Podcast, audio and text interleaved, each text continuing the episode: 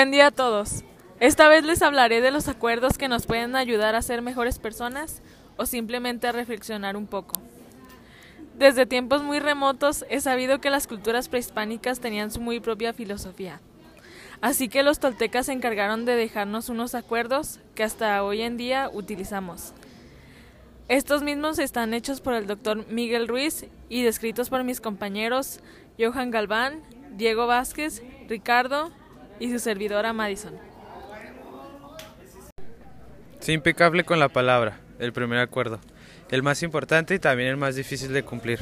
El primer acuerdo habla sobre el poder de las palabras. Las palabras pueden ser usadas para muchas cosas. Las palabras son mágicas, pueden usarse para magia blanca o negra, tú decides cómo usarlas. Las palabras tienen muchos usos, puedes salvar a alguien, hacerle sentir bien, transmitirle nuestro apoyo, nuestro amor, nuestra admiración, nuestra aceptación, pero también podemos matar su autoestima, sus esperanzas, condenarle al fracaso y aniquilarle.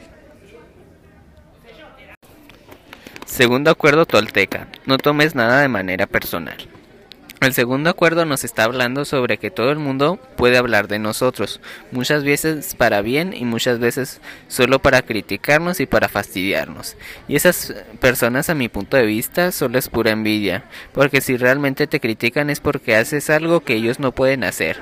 Si alguien te dice, oye, estás mal en eso, tienes que corregir esto y lo otro, y pues toma sus críticas y sus consejos. Y la verdad no hay que tomarlo a pecho, si no solo te va a afectar más y nos y nos vas a y no vas a progresar. Acuerdo número 3. No supongas.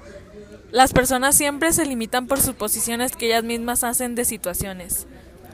O muchas veces hacemos caso a suposiciones sin ver todo el panorama. Así que hay que hacer las cosas pero sin pensarlas tanto. Acuerdo número cuarto.